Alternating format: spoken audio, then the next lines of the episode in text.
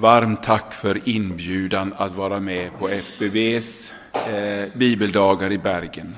Att få komma till Bergen och komma till Delkbergen, det är en stor förmån, en stor glädje. Maria, min fru och jag, vi har varit här ett antal gånger vid det här laget. Och vi gläder oss så mycket över att vi får stå i gemenskap. Och det är ju så att den församling där jag har fått lov att, att tjäna i elva år, den församling som har hetat Kvillebäckens församling. Eller, först heter den Kvillebäckens gudstjänstgemenskap, så blir det Kvillebäckens församling. Och så har vi bytt namn en gång till och heter numera Immanuelförsamlingen. Eh, där eh, vi har en gemenskap mellan Delkbergen och den, vår, vår församling, vilket jag är oerhört tacksam för. Eh, vi bytte namn med anledning av att vi i somras fick köpa den kyrka där vi har varit i eh, firat gudstjänst i sex och ett halvt år. Eh, därför att den församling som vi hyrde av, de la ner sin verksamhet. Och så fick vi möjlighet att köpa den. Herren la saker och ting till rätta. Och när vi då inte längre var på det område i Göteborg som heter Kvillebäcken, och vi nu visste, då ska vi ju vara här, på den här platsen. Då kan den ju inte heta Kvillebäcken. Det går ju inte.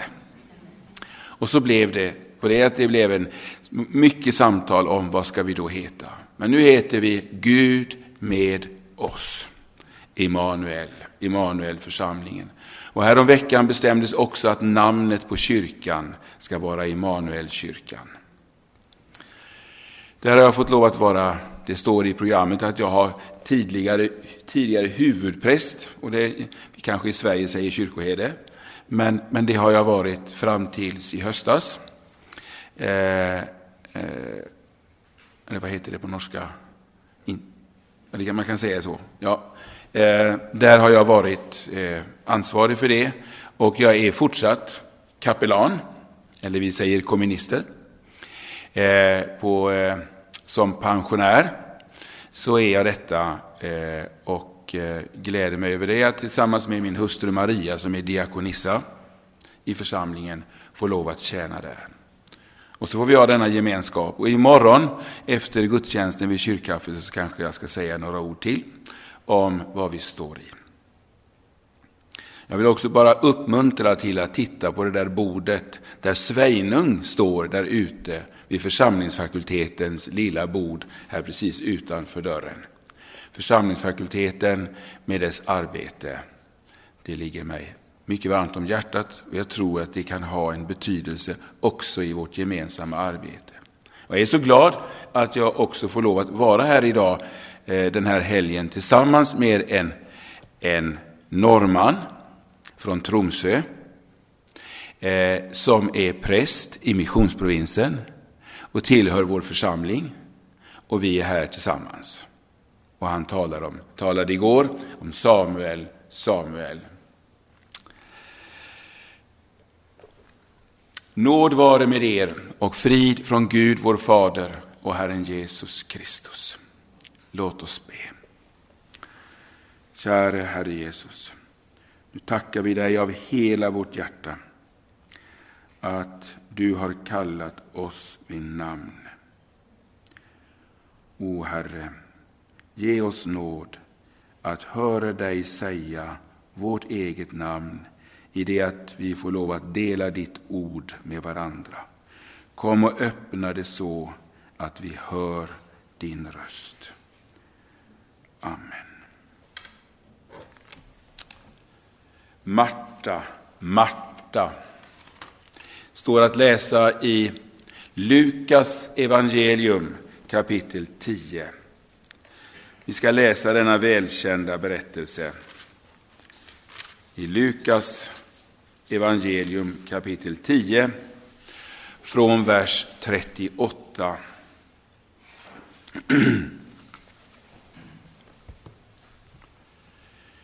Medan de var på väg gick Jesus in i en by där en kvinna som heter Marta tog emot honom i sitt hem. Hon hade en syster, Maria, som satte sig vid Herrens fötter och lyssnade till hans ord. Marta däremot var helt upptagen med allt som skulle ställas i ordning, och hon gick fram och sade, Herre, bryr du dig inte om att min syster har lämnat mig ensam att sköta allting? Säg nu till henne att hon hjälper mig. Herren svarade henne, Marta, Marta, du gör dig bekymmer och oroar dig för så mycket. Men bara ett är nödvändigt. Maria har valt den goda delen och den ska inte tas ifrån henne. Så lyder Herrens ord. Berättelsen om Marta och Maria är för alla bibelläsare välkänd läsning.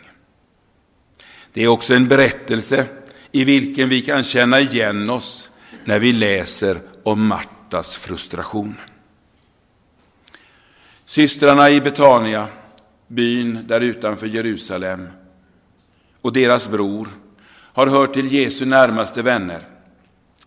Och hit till huset i Betania har Jesus kommit många gånger. Och om dessa två kvinnor kan nog sägas också det som Lukas berättar om Maria Magdalena, om Johanna, den kunglige förvaltaren Kusas fru, och Susanna, att de tjänade Jesus och lärjungarna med det de ägde. Det var nog inte något alldeles litet hus där i Betania. Och nu hade de återigen fått Jesus och en skara lärjungar på besök. Kanske de tolv, kanske en del andra också. Och vi får tänka det så att det är öppet hus hos, eh, hos systrarna. Och så är det två saker som äger rum den här, det är väl kväll. Två aktiviteter. Dels är det förberedelser för kvällens måltid. Med alla de många gästerna är det mycket som ska ordnas. Och dels har Jesus satt sig ner för att undervisa. Och runt honom sitter kanske en del, kanske en del står och några har satt sig på golvet alldeles vid hans fötter, så nära som möjligt. Och bland dessa är Martas syster. Kanske att någon har ställt en fråga med anledning av någonting som har skett under dagen. Kanske ett under, ett tecken som Jesus har gjort. En liknelse han har berättat. Och så börjar Jesus göra det som han ständigt gjorde. Undervisade. Ser ni de här aktiviteterna framför er? Å ena sidan Marta som tar ansvar för värdskapet och ibland lite viskande ger sina medhjälpare i köket anvisningar om vad som ska göras. Det dukas, det ställs fram och ordnas. Och å andra sidan, Jesus talar, undervisar, kanske också på det sätt, på det rabbinska sättet, låter lärjungar upprepa vad han sagt. Här är gästvänlighet och här är undervisning om Guds rike Guds ord är på färde. Men så vet vi vad som händer. Marta blir allt mera stressad av allt som måste göras. Alla gästerna hon har i huset. Och när vi blir stressade, vad händer? Så väcks det onda sinnet till liv. Och för Martas del så vänds blicken mot lilla syster. Vi får tänka att det är så. Där hon sitter borta vid Herrens fötter. Varför hjälper hon inte till? Varför lämnar hon allt åt mig? tänker Marta. Och när de tankarna har vuxit sig tillräckligt starka så gör hon radikalt slag i saken, går fram till Jesus och förebrår både honom och Maria bryr du dig inte om? Det är en anklagelse.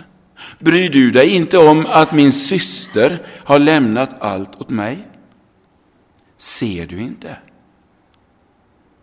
Och de andra runt omkring värdinnan torde nog ha hört vad hon har sagt och hur hon vill utnyttja sin position av att vara värdinna som nu gör så mycket för Jesus och hans följe.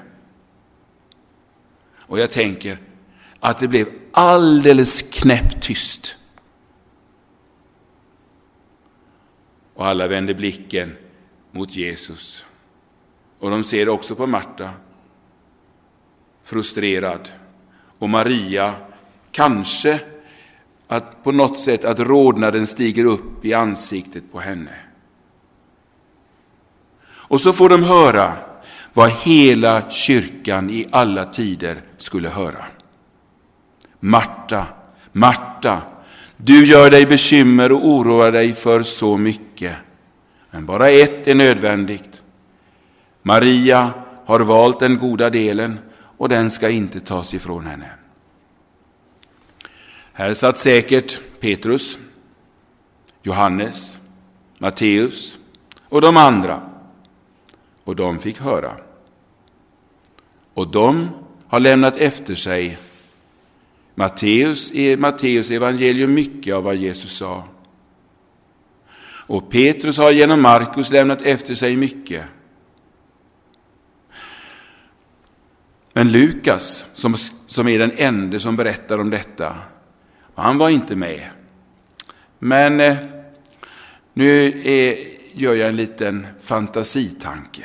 Jag säger inte att det var så här, men jag tänker det kan ha varit så här. Att då när Paulus satt fånge i Caesarea i två år, till landet hade Paulus kommit tillsammans med Lukas. Och när sedan Paulus reser från landet till Rom så är Lukas också med. Och han var med på den där förfärliga sjöresan.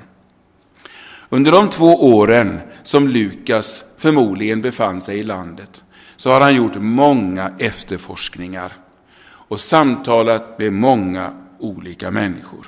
Så att han sen kunde skriva ner det han säger att ja, han har noga tagit reda på. Eh, och vem vet om inte Lukas har varit på besök i Betania. Och där på slutet av 50-talet kanske att Marta fortfarande levde. Ja, det, finns, det är mycket troligt att hon fortfarande levde då. Det finns en, en, en fornkyrklig tradition som säger att hon levde tills hon var 80 år och dog en naturlig död. Eh, och kanske att hon själv, Marta, som fick höra detta, själv har berättat det för Lukas, som då har skrivit detta.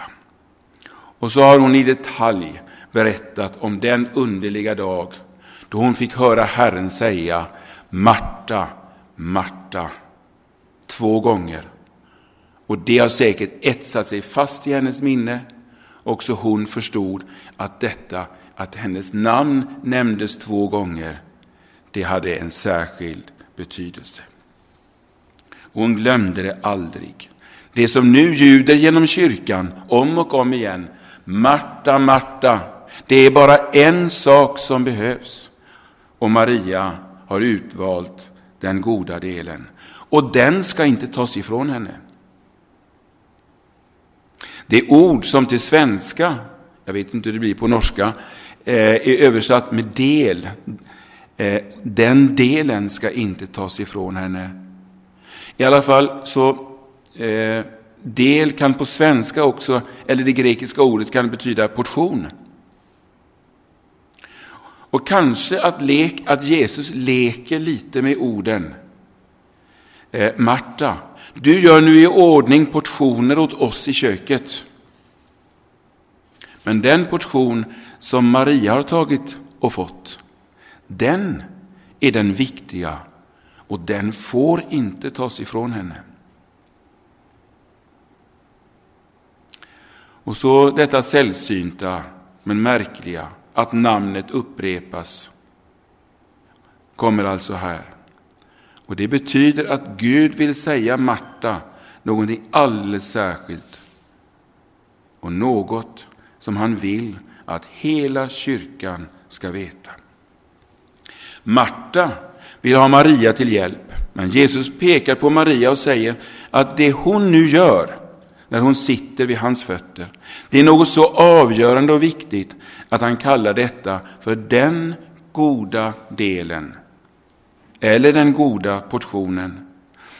Och i det stora hela så finns det inget annat som är verkligt nödvändigt. Det är bara ett som är nödvändigt och det är det som Maria gör. Det betyder inte att Martas gästvänlighet, hennes omsorg är klandervärd. Tvärtom. Att ta emot Guds folk i sitt hem, det är någonting stort, någonting gott. Det är en god gärning. Men Marta hade fått fel fokus. Och hennes felprioritering släpper loss den inneboende syndiga irritationen och behovet att anklaga. Vad är det Maria gör? Det som Jesus pekar för Marta på. Han pekar på Maria där hon sitter vid hans, fötter, eh, vid hans fötter. Marta, Marta, se på Maria. Och vad är det Maria gör? Hon sitter alltså vid Herrens fötter. Vid hans fötter, han som har hela världen i sin hand. Han genom vilken hela skapelsen en gång blev till. Hon sitter vid hans fötter för att höra livets ord, för att höra det ord som ger liv och det ord som är ett med honom. Johannes skriver ju de orden. I begynnelsen var ordet och ordet var hos Gud och ordet var Gud. Och nu var ordet som är Gud i hemmet i Betania och Marta är irriterad. Men Maria sitter där och lyssnar. Det ordet som han kommer med är ande och liv. Här kommer det ord om vilket Jesus säger att himmel och jord ska förgås, men mina ord ska aldrig förgås. Eh, det finns ett i femte Mosebok kapitel 5, äh, eh, förlåt, 33. Femte Mosebok 33. Ett ord, om ni slår upp det så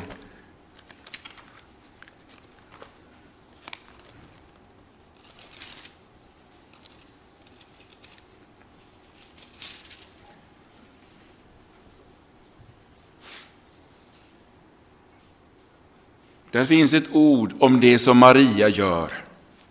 Femte Mosebok kapitel 33 och vers 3. I sanning, han älskar folken, alla hans heliga är i din hand. De faller ner vid din fot, de tar emot av dina ord. Eh, vid Herrens fot har Maria slagit sig ner vid Israels Guds fötter, vid Sonens fötter. Där tar hon emot av hans ord. Hon tar emot ordet, undervisningen som eh, kommer av Herren själv. För det är Herren som sitter där. Också Marta har kallat honom och säkert menat och trott det, att han är Herren.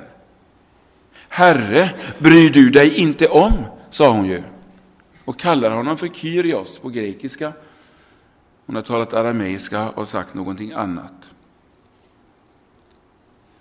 Men Marta har inte slagit sig ner vid hans fötter utan låter andra ting vara viktigare.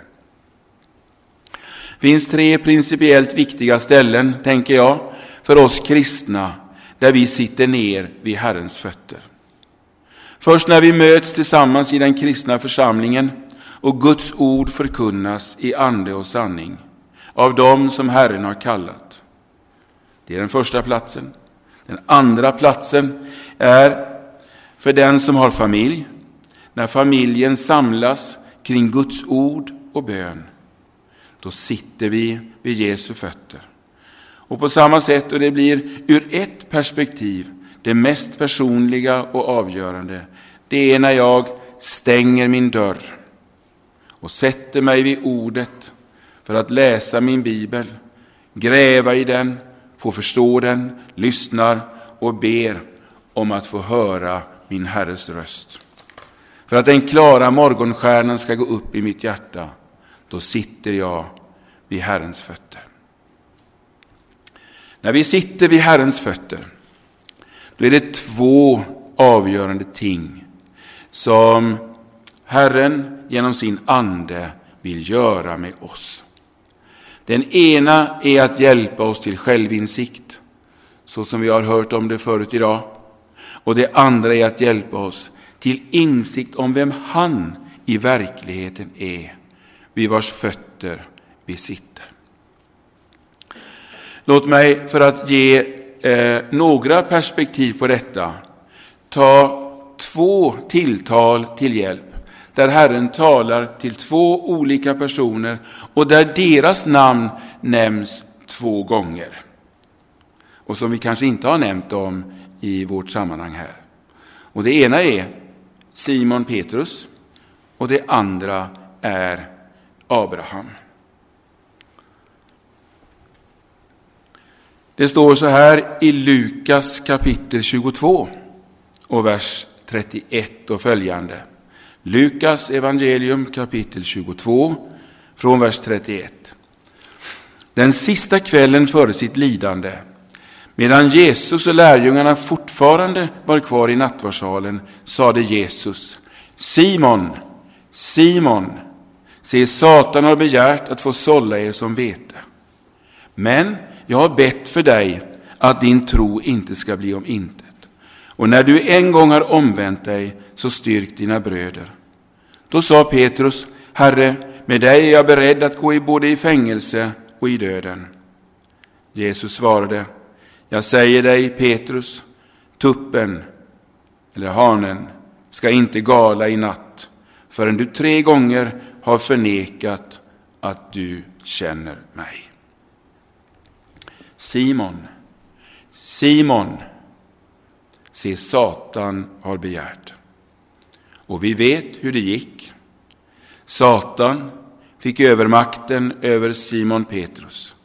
Petrus föll, föll djupt, djupt ända till den punkten att han med ed försäkrade, han som nästintill med ed hade försäkrat för Jesus att han ska inte förneka honom.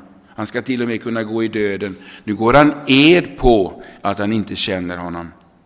Och när tuppen gol, just efter tredje förnekelsen, då väcktes Petrus. Och i samma ögonblick, för i samma ögonblick mötte han Jesu blick som vändes mot honom. Och då kom Petrus ihåg. Simon, Simon.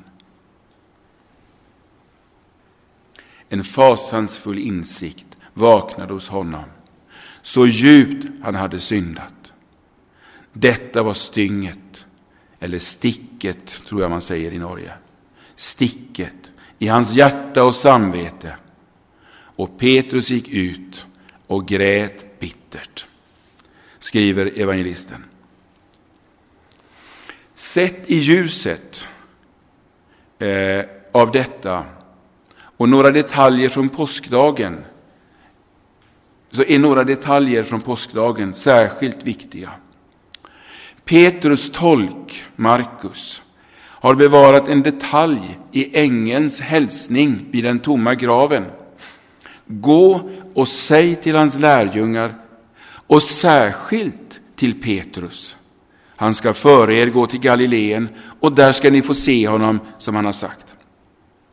Och vi läser om hur Petrus springer till graven.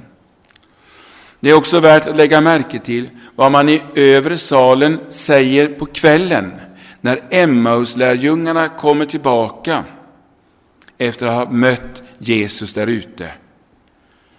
Då säger man till Emmausvandrarna, Herren har verkligen uppstått och han har visat sig för Simon. Om det mötet eh, vet vi inget annat än att en djupt fallen Petrus har fått möta sin älskade mästare som nu hade gett sitt liv för honom. Han för honom som hade lovat att han skulle gå, kunna gå i döden för honom. Och så visste Petrus, han lever.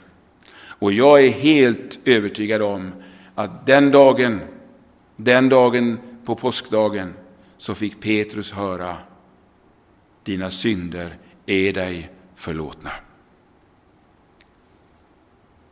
Och att det var en verklig upprättelse där. Och så var allting nytt. Ryktet om detta spreds naturligtvis snabbt också i den, lärjunga, den vidare lärjungakretsen dit Marta, Maria och Lazarus hörde. Hela uppståndelsebudskapet, det måste ha gått ut till allihopa. Om vi nu vänder tillbaka ett ögonblick till Marta, så har säkert budskapet om Petrus förnekelse och upprättelse i ljuset av Jesu uppståndelse också lett Marta tillbaka till den dagen när hon hörde sin mästare säga Marta, Marta, du gör dig bekymmer för så mycket.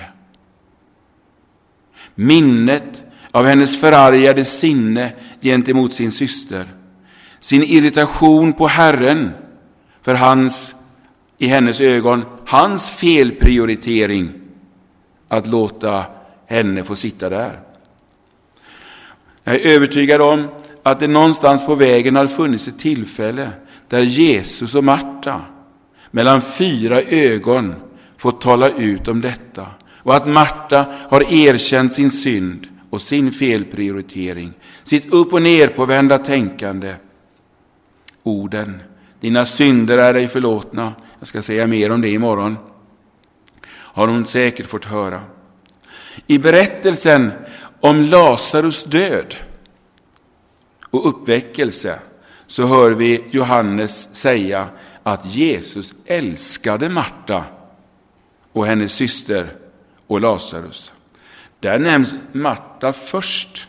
Och säkert har det uppstått ett alldeles nytt förhållande mellan Marta och Jesus efter den kvällen i Betania. När vi följer Jesu råd till Marta och på allvar och i stillhet sitter vid hans fötter så kommer den stunden då vi får höra Jesus tala med oss. Och kanske att vi riktigt kan få höra honom säga vårt namn. Bengt. Bengt. Hans väckande röst kan peka på något allvarligt, något som inte står rätt till. Något som resulterar i att vi förstår att vi har syndat, som Simon Petrus. Stynget drabbar oss. När vi då från samme Jesus får höra dina synder är förlåtna och att det är en verklighet för oss, då händer något med oss. När vi hör Jesu röst helt personligt säga Bengt, dina synder är förlåtna, då förstår vi att platsen vid hans fötter inte bara är den viktigaste, utan också den underbaraste platsen. Det som hände dagarna kring Jesu död och uppståndelse spreds naturligtvis bland Jesu vänner i området. Och Marta och Maria och Lazarus hör till dem.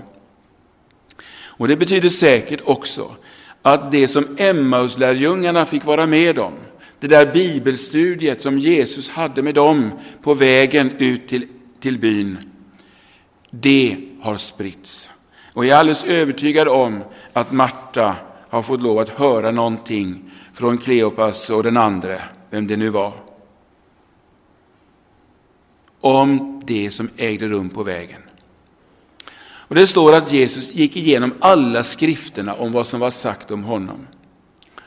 Och Då har jag liksom fastnat för att jag vill få dela en liten, en liten glimt som jag tycker att jag har fått se i detta Och det, är, det finns ett ställe där till i Gamla Testamentet som jag nämnde om och det är Abraham. Där också Abraham får det två gånger. Abraham, Abraham. Ni vet, där när, när Herrens ängel stoppar Abraham.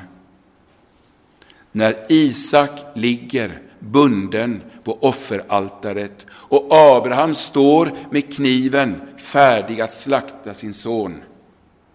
Denna lydnadshandling som vi överhuvudtaget inte kan förstå att det var möjligt för Abraham med löftessonen att göra detta. Där står han. Och när han är färdig ända framme vid den punkten, då ropar Herrens ängel till Abraham. Det står att han ropade från himlen. Abraham, Abraham, han svarade, här är jag. Då sade han, lyft inte din hand mot pojken och gör honom ingenting.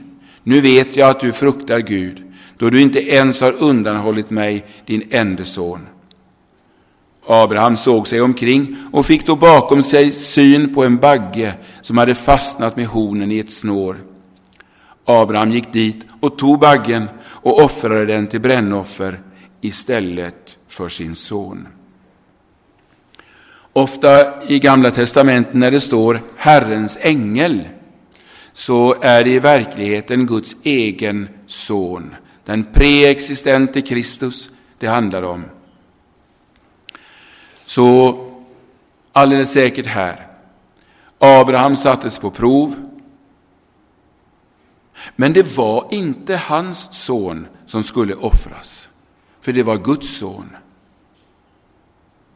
Det är som om, om Herren Kristus själv står där och säger, det är inte din son som ska offras, det är jag som ska bli offrad. Tillfälligt och förebildande fick Abraham offra en bagge som han fick syn på när han vände sig om. Och så har det långt senare kommit en lång rad djuroffer som förebildat och pekat framåt mot det enda offret, när Fadern offrade sin enda son. Och det var detta som var hemligheten i Jesu undervisning när han gick med lärjungarna ut till Emmaus. Och det bar de med sig till de andra. Och nu fick Marta lön för sin nya plats vid Jesu fötter.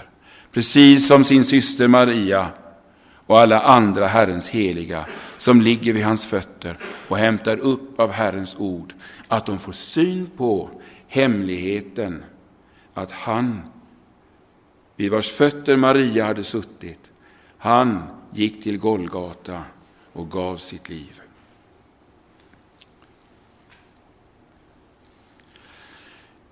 Nu är min klocka tre minuter i. Jag har något mer att säga, men jag vet inte. Eh, jag fick inte börja riktigt när klockan... Jag trodde jag skulle börja klockan... Eh, får jag hålla på en liten stund till? Eh, jag är framme vid ett litet nytt perspektiv, ett litet nytt avsnitt i, i denna bibeltimma. Där jag har en liten eh, överskrift som heter Marta och den barmhärtige samariten. För många år sedan så hörde jag den svenske, eh, eh ganska, i Sverige ganska kände lektorn och lekmannateologen Erik Petrén, som själv var lärjunge till professor Hugo Odeberg i Lund tala om ett perspektiv på den berättelse vi är inne i. Han pekade på sambandet mellan liknelsen som Jesus berättar i avsnittet innan, den barmhärtige samariten, och eh, med det som händer i Betania. Liknelsen om den barmhärtige samariten och Maria vid Jesu fötter. Eh, om vi tror på, så som vi är en av grunderna för varför vi finns här. Att vi tror att det är den heliga Ande som har satt samman den heliga skrift.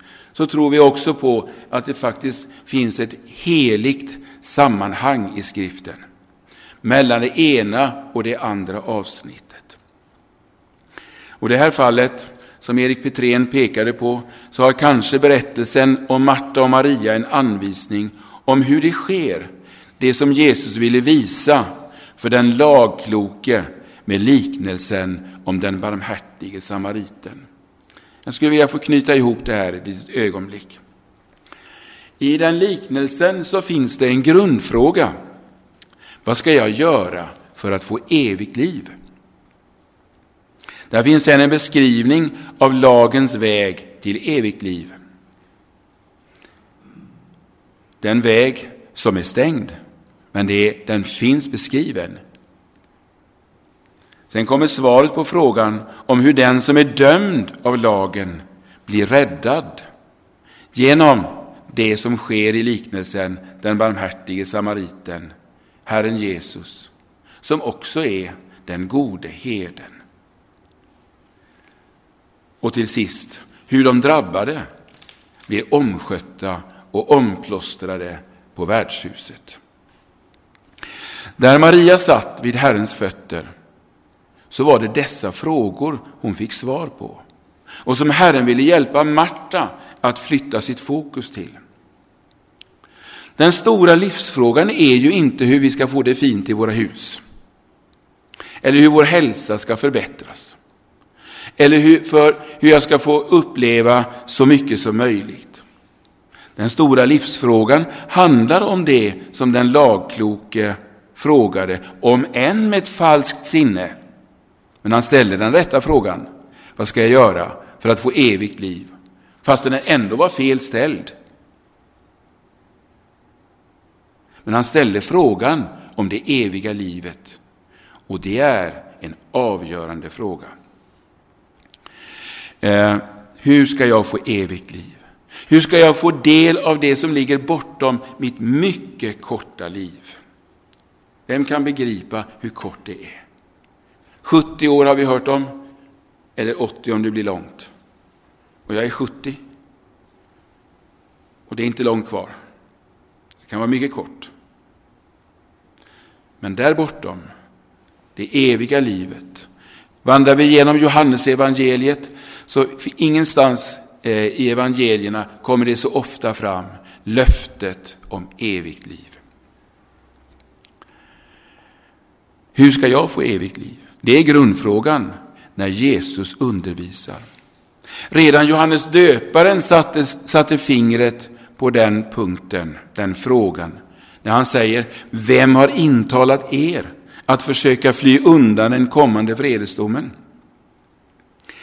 Evighetsperspektivet är i så hög grad i vår tids andlighet bortglömd.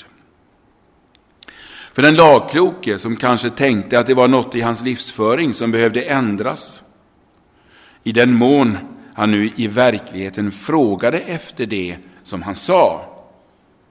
Han var ju egentligen ute efter någonting annat. Ni kommer ihåg, det fanns en annan som kom till Jesus och frågade vad han skulle göra för att få evigt liv. En ung, rik man. Han tänkte att det var något i hans liv som behövde kanske förändras. Och Jesus pekade på buden.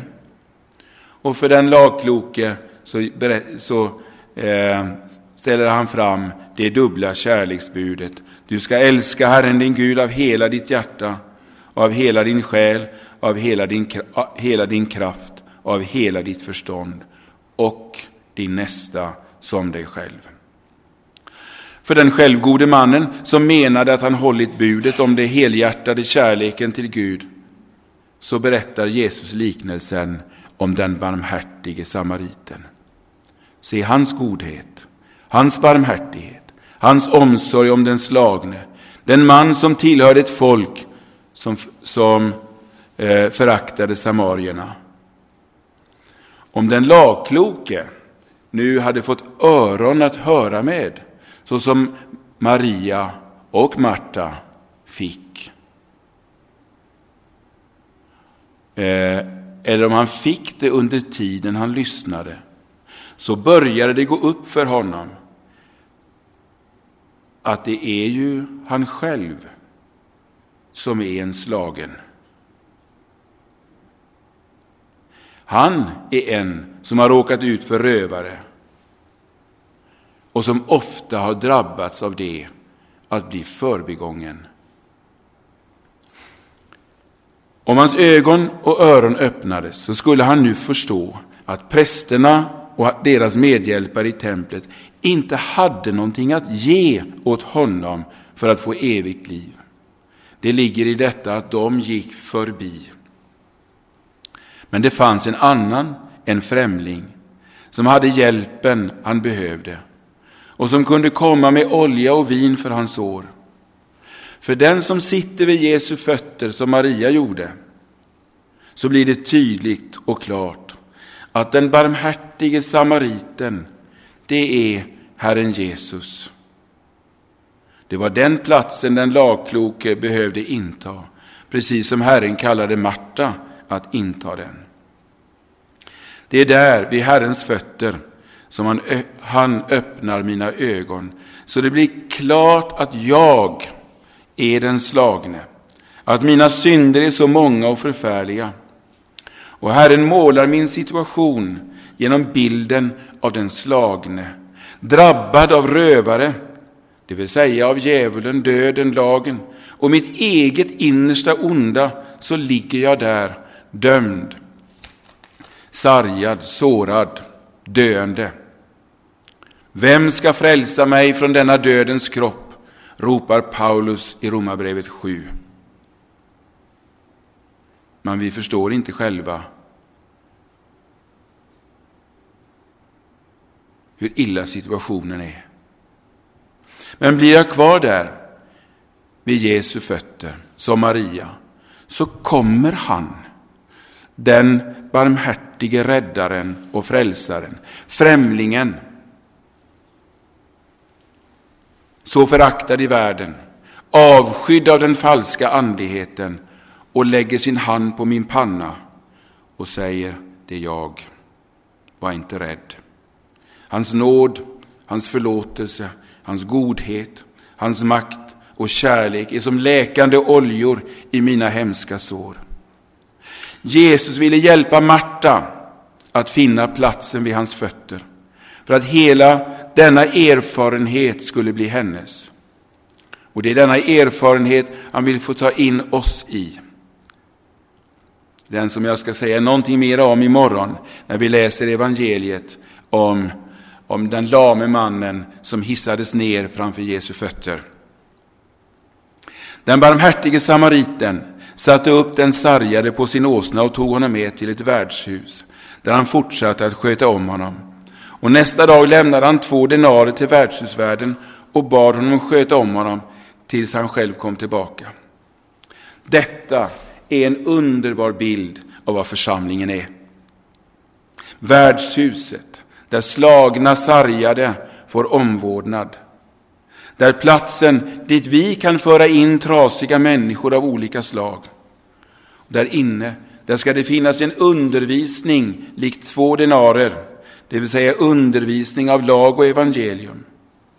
En undervisning av lagen på ett sådant sätt att vi avslöjas och inte kan klara oss utan det dyrbaraste av allt, evangeliet om min Herre Jesus Kristus. Han som har gett sitt liv för mig, för oss. Evangeliet om honom som förbinder våra sår och utgjuter sin kärlek över oss. Så som han gjorde med Paulus när han kom där på vägen till Damaskus och fick höra Saul, Saul, varför förföljer du mig? Och så fick han uppleva Herrens alldeles ofattbara kärlek och det som vi ska få höra mera om senare idag. Vi vet inte hur Marta reagerade på Jesu allvarsamma tilltal där just den där dagen. Utom detta att vi vet att hon senare beskrivs som den i nödens stund, när Lazarus är sjuk, tillsammans med Maria sände bud efter Jesus. Och att Jesus hade henne och syskonen kära. Det pekar på att Marta, Marta, det var inte förgäves. Hon tog emot den allvarsamma förmaningen. Nej, hon blev inte sur på Jesus. Hon har sett det finns ingenting som är så stort i den här världen som att en människa blir kvar hos Jesus, blir kvar vid hans fötter, låter sig tillrättavisas och blir sittande vid hans fötter dag efter dag. Ända tills det blir dags för uppbrott.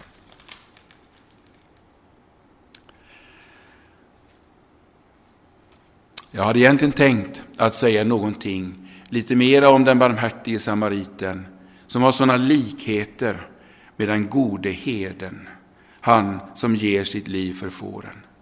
Jag läste häromåret en uppsats av en, av en svensk professor som heter Birger Gerhardsson om en, om en märklig likhet som jag inte visst hade noterat förut mellan, mellan den barmhärtige samaritens handlande mot den slagne som Jesu handlande såsom den gode heden, så som han sköter om sina får. Men jag ska inte fördjupa det nu. Eh, men det finns en, en underbar likhet där. Eh, till sist. Den goda delen ska inte tas ifrån henne. Och det gjorde det inte heller. När Marta från kvinnorna som var med vid korset. Och det är ju inte uteslutet att Marta själv var med vid korset. Det kan vara så, men det vet vi inte. Men hon fick höra om vad som hände de sista timmarna. Så fick hon säkert höra hur han hade ropat Eli, Eli, lema sabachthani. Min Gud, min Gud. Så kommer det två gånger, min Gud. Han ropar till sin far i himlen i sin övergivenhet, som hon, Marta, hade förtjänat. Då tänkte hon säkert på hur han hade sagt till henne, Marta, Marta, du gör dig bekymmer för så mycket. Det är bara ett som är nödvändigt. Maria satt där vid hans fötter och fick höra om vishet, höra visheten som utgick från hans läppar. Kommer ni ihåg drottningen av Saba? Hon som hade fått höra talas om, om kung Salomos vishet och kom med ett gigantiskt följe med massor av gåvor för att få höra om visheten.